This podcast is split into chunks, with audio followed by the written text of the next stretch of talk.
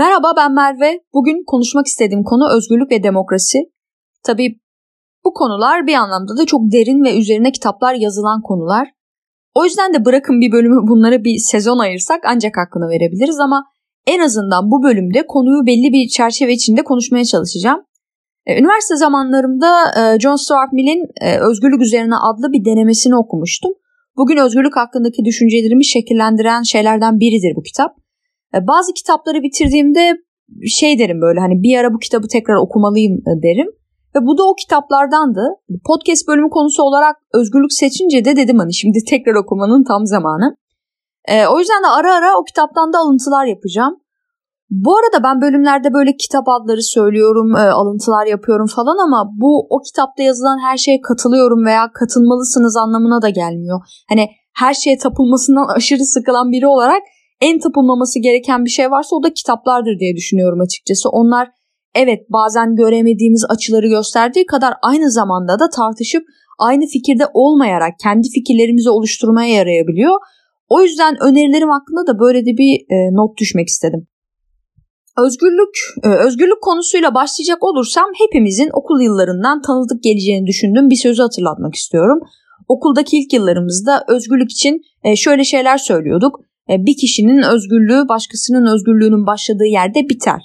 Yani cümleyi belki farklı şekilde duymuş olabilirsiniz ama özetle bu anlamı taşıyan bir cümleydi. Ve bu cümleyle de birlikte aslında daha çocuk yaşlarda özgürlüğün bir sınırının da olduğunu öğrenmeye başlıyorduk. Tabii o zamanlarda anlamadığımız bir şey vardı. O da özgürlüklerin sınırı denilen şeyin bazen de sizin sınır kabul etmeyeceğiniz yerlere konulabilmesi. Yani örneğin kimileri için kıyafetin fazla kapalı olması özgürlüğün sınırı kabul edilirken değişen dönemlerle de birlikte bazen de yeterince kapalı olmamasının sınır kabul edilmesi gibi. O yüzden bu özgürlük meselesini tanımladık e, ve hakkında birkaç şey söyledik oldu bitti sandığımız çocukluktan sonra hiç de o işin öyle olmadığını hayat içerisinde öğrenmiş olduk. Artık anlıyoruz ki asıl mesele sınır denilen şeyin herkes için geçerli bir yerde kalabilmesi aslında ve yıllardır da tüm insanlığın tartışması haline gelen şey bu. Açıkçası ben e, bu özgürlükler konusunda bazen iki yüzlü olduğumuzu düşünüyorum. Tabii ki bugün artık birçok insan e, herkes için özgürlüğün önemini anlamış olmakla birlikte yine de halen daha e, bunu anlamayan ve bu iki yüzlü taraftan bunu söylemeye devam edenler de var. Bunun örneklerini de tarih bize taraflar değişse dahi aptallıkların değişmediği döngülerden çıkamamamızı da gösteriyor aslında. Biraz daha açacak olursam da anlatmak istediğim e, azınlıkken özgürlük savunanların çoğunluk haline gelince birden birilerinin özgürlüklerinin kısıtlanmasına e, ses çıkarmama ikiyüzlülüğünü gösterebilmesi. Yani özetle herkes için özgürlük söyleminin bazen de e, o dönemde çoğunluk haline gelemediği için sadece kendi haklarını almak isteyenler tarafından söylenebildiğini görebiliyoruz. Ancak tabii ki o noktada önemsenen de özgürlükler değil bir kitlenin çıkarları oluyor yalnızca. E, aylar önce Ezilenlerin Pedagojisi adında bir kitap okumuştum ve güzel bir kitap bence. Yine orada da zamanının ezilenlerinin nasıl ezen olabildiğini anlatıyor. E, hazır azınlık çoğunluk diyorken yine önerilisi kitapların listesindeki bu kitaptan da bahsetmek istedim. Ve hatta bir alıntı da yapmak istiyorum. Bu ezen ezilen hallerinden çıkabilmenin bir çözüm arayışı içerisinde e, kitapta şöyle yazılmış. E, şöyle diyor, asıl problem şudur, bölünmüş, kendileri olarak var olmayan varlıklar olarak ezilenler özgürleşmelerini sağlayacak bir pedagojiyi geliştirmeye nasıl katılabilirler? Ancak kendilerinin ezenlerin ev sahipleri olduklarını fark ettikleri zaman özgürleştirici pedagojilerinin doğumuna katkıda bulunabilirler. Olmanın gibi olmak ve gibi olmanın da ezenler gibi olmak olduğu ikilik içinde yaşadıkları sürece bu katkı imkansızdır. Özgürleşme bir doğumdur hem de acılı bir doğum. Ortaya çıkan insan yeni bir insandır ve varoluşu ancak ezen ezilen çelişkisi tüm insanların insanlaşmasıyla alt edildiğinde mümkündür. Ya da başka bir deyişle bu çelişkinin çözümü bu yeni insanı dünyaya getirme çabasından doğar. Artık ezen de yoktur, ezilen de. Sadece özgürlüğe ulaşma sürecindeki insan vardır. Bu sözlerle de birlikte ezilen konumunda e, ezilen konumundan tek çıkışı ezen konumuna geçmek olarak görmeyip bu iki yüzlülük ve çelişkili hallerimizden çıkışa bir çözüm olarak yalnızca bahsettiği yeni insanı dünyaya getirme çabasıyla mümkün olacağını kitapta da güzel bu güzel sözlerle açıklanmış aslında. Bahsettiğim iki yüzlülük durumumuzla da birlikte halen daha hiç de az olmayacak bir kitlenin özgürlük, adalet gibi kavramları çok da anlayamadığını ya da anlasa bile önemini kavrayamadığını görüyoruz ve o yüzden de kendimize bir soru soralım istiyorum. Ve bu soracağımız soru bulunduğumuz konuma göre de değişecek. Şöyle açıklayayım. Eğer ki e, içinde olduğumuz dönemde azınlık konumunda değilsek özgürlüğe empati çerçevesinde bakarak kendimize şunu soralım istiyorum. Bugün azınlık olan insanlara nasıl davranıyoruz ve bunlar bize yapılsaydı nasıl olurdu? Bir diğer bir diğer soru da eğer e, azınlık konumundaysak bir gün azınlık olmaktan çıktığımızda farklı fikirlerdeki insanlara da şu an bize tanınmayan hakları tanıyabilecek miyiz? Evet yani bunlar çok derin sorular değil ve gayet de bir çocuğun bile anlayabileceği seviyede basit sorular ancak bazen çok basit soruları bile büyüme serüvenimizde unutabiliyoruz ve belki de unutmaya başladığımız birçok değeri yeniden hatırlamak için e, kendimize böyle sorular sormak gerekiyordur.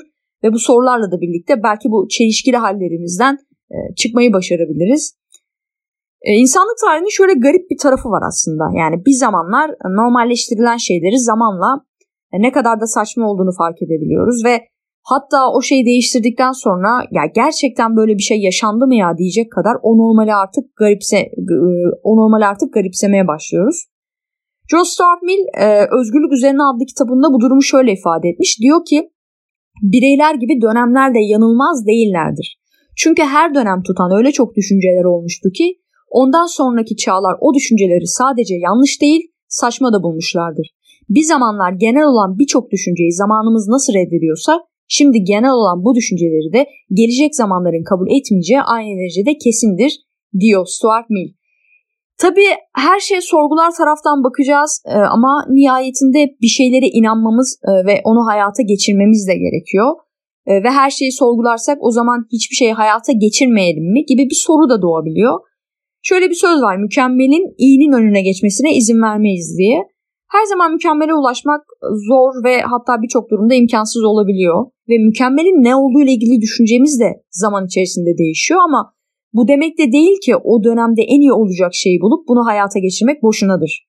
Yani önce iyi olduğunu düşündüğümüz bir şeyi hayata geçiriyoruz ve onun içindeyken de yine onu sorgulamaya devam ediyor ve değişen zamanla da birlikte yerine daha iyisi olduğunu düşündüğümüz başka bir şey koyuyoruz. Bu insanın bir anlamda da serüveni zaten ve tarih tarih de bu örneklerle dolu. O yüzden bu ilerleyişleri direnmek veya e, sürekli sorgulama halimiz ve ortaya bir şey koyamayacağımızı düşünmek de bana yersiz geliyor.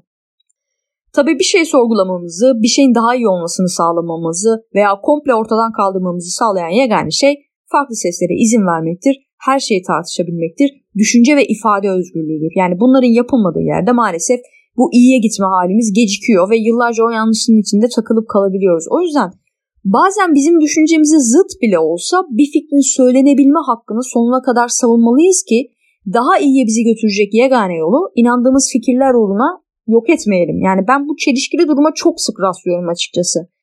Mesela işte bakıyorsunuz özgürlükçü olduğunu söyleyen, açık görüşlü olduğunu söyleyen ve hatta sizin de öyle olduğunu düşündüğünüz biri bir anda kendi fikirlerine zıt bir yorum yapıldığı veya işte kutsallarım, değerlerim dediği şeylerle ilgili bir şey söylendiği zaman e hemen onun susturulmasını, cezalandırılmasını isteyebiliyor. Yani bazen bazı şeyler için gerek şart ifadesini kullanırız. Onun varlığı için olmazsa olmazsa olmaz şart anlamında söyleriz bunu. Bugün her sesin kendi düşüncesini söylemesi de özgürlük için gerek şarttır ve evet her ne kadar özgürlükçüyüm desek de o seslere tahammül edemediğimizde gerek şartı bozarak hiç de özgürlükçü olmadığımız bir yere kayıyoruz aslında. Savunduğumuz veya yaptığımız şey e, her ne kadar e, özgürlükmüş gibi görünse dahi miş gibilikten öteye geçmiyor aslında. Bunun bir diğer örneği de şey e, sosyal medyada işte başkalarının özgürlüklerinin kısıtlanmasına yönelik fikirler dile getirdikten sonra işte bu söylediği şey için aman işte bu da benim düşünce ve ifade özgürlüğümdür diye savunmak. Yani eğer ki söylediğimiz şey başkalarının özgürlüğünün kısıtlanmasına yönelik bir fikirse bunu bir özgürlükle savunabileceğimizi düşünmek çok çok garip yani. Hani kulağa şöyle geliyor bu ben özgürlüklerin kısıtlanması gerektiğini söyleyen ve bunu da kısıtlanması için can attığım özgürlüklerin bir parçası olan ifade özgürlüğüyle savunan biriyim. Yani özgürlüğe zıt olan bir fikri, düşünce ve ifade özgürlüğü adı altında da savunmak iki yüzlülük çelişkinin bir boyutu olmaktan da başka bir şey değil. Hani şunların üzerine aslında birazcık bile düşünsek olayı anlayabiliyoruz ama düşünmekten bu kadar uzak olunca da halimiz bu oluyor. Yine düşünce özgürlüğü için e, Stuart Mill'den alıntı yapmak istiyorum. Diyor ki insanlar hakikatin her cephesini tanıma konusunda şimdikinden çok daha üstün bir yeteneğe sahip olana kadar düşünce çeşitliliğinin bir kötülük değil tersine bir iyilik olma özelliği insanların davranış tarzlarına da uygulanabilir ilkelerdir. Başka düşüncelerin var olması nasıl mutlaka yararlıysa ayrı yaşantı denemelerinin var olması da öyledir diye yazmış Mill. Hatta bugün de yabancı olmadığımız şeyleri de ifade eden şu sözleriyle devam ediyor. Diyor ki kişinin kendi öz yapısının değil de başkalarının gelenek ve göreneklerinin devinim kuralı olduğu bir yerde insan mutluluğunun bileşimine, e, birleşimine giren başlıca öğelerden biri hem de bireysel ve toplumsal ilerlemenin asıl öğesi eksik olur. Valla bu insanlar yıllar önce bile ne güzel sorgulanası şeyler yazmışlar ama böyle şeyleri okumanın ve düşünmenin bile bunun içine şeytan kaçmış dedikleri bir kültürün de çocukları olarak yani cadı yakar gibi fikir yakmaya devam ediyoruz maalesef. Yine Mill bu farklılıklarımızı yok etmenin faturasını da şöyle özetlemiş. İnsanlık bir süre çeşitlilik görmemeye alıştılar mı çarçabuk ona artık bir daha akıl bile edemez olurlar demiş. Bence bu çok kötü bir fatura.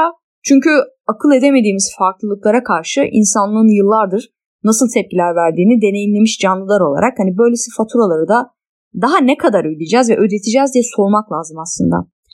Özgürlükler konusuyla birlikte biraz da demokrasiyi konuşmak istiyorum. E, çoğumuz aslında demokrasi kelimesini e, siyasi özgürlüğü de içerecek şekilde kullanıyor ve halka özgür olmayan ülkelerden demokrasi diye de söz etmiyoruz. Ancak tarihte özgürlüğü kapsamayan demokrasi örnekleri de var. Yani zamanında normalleştirdiğimiz hani şey dedik ya zamanında normalleştirdiğimiz şeyler e, zamanla geride kalabiliyor demiştik. Demokrasi de bundan nasibini alanlardan ve tabi geçmişi antik döneme kadar gidiyor. Mesela Atina demokrasisi diye anılan demokraside teoride işte bütün yurttaşlar mecliste oy verme ve fikrini söyleme hakkına sahip sahipti. Ama bilin bakalım pratikte bu özgürlük kimlere verilmiyordu? Kadınlar ve köleler gibi bazı kişiler bu haklara sahip değilmiş. Bu arada yine tarihte e, hazır kadınlar demişken e, söyleyeyim. Kadınlara seçme hakkı verilmemesinin dayandırıldığı şeylerden birini de tahmin edin neydi bakalım. Çok yabancı olmadığımız bir şey. Onu da tabii ki aile yapısının bozulmasına dayandırmışız. Yani şaşırmadık.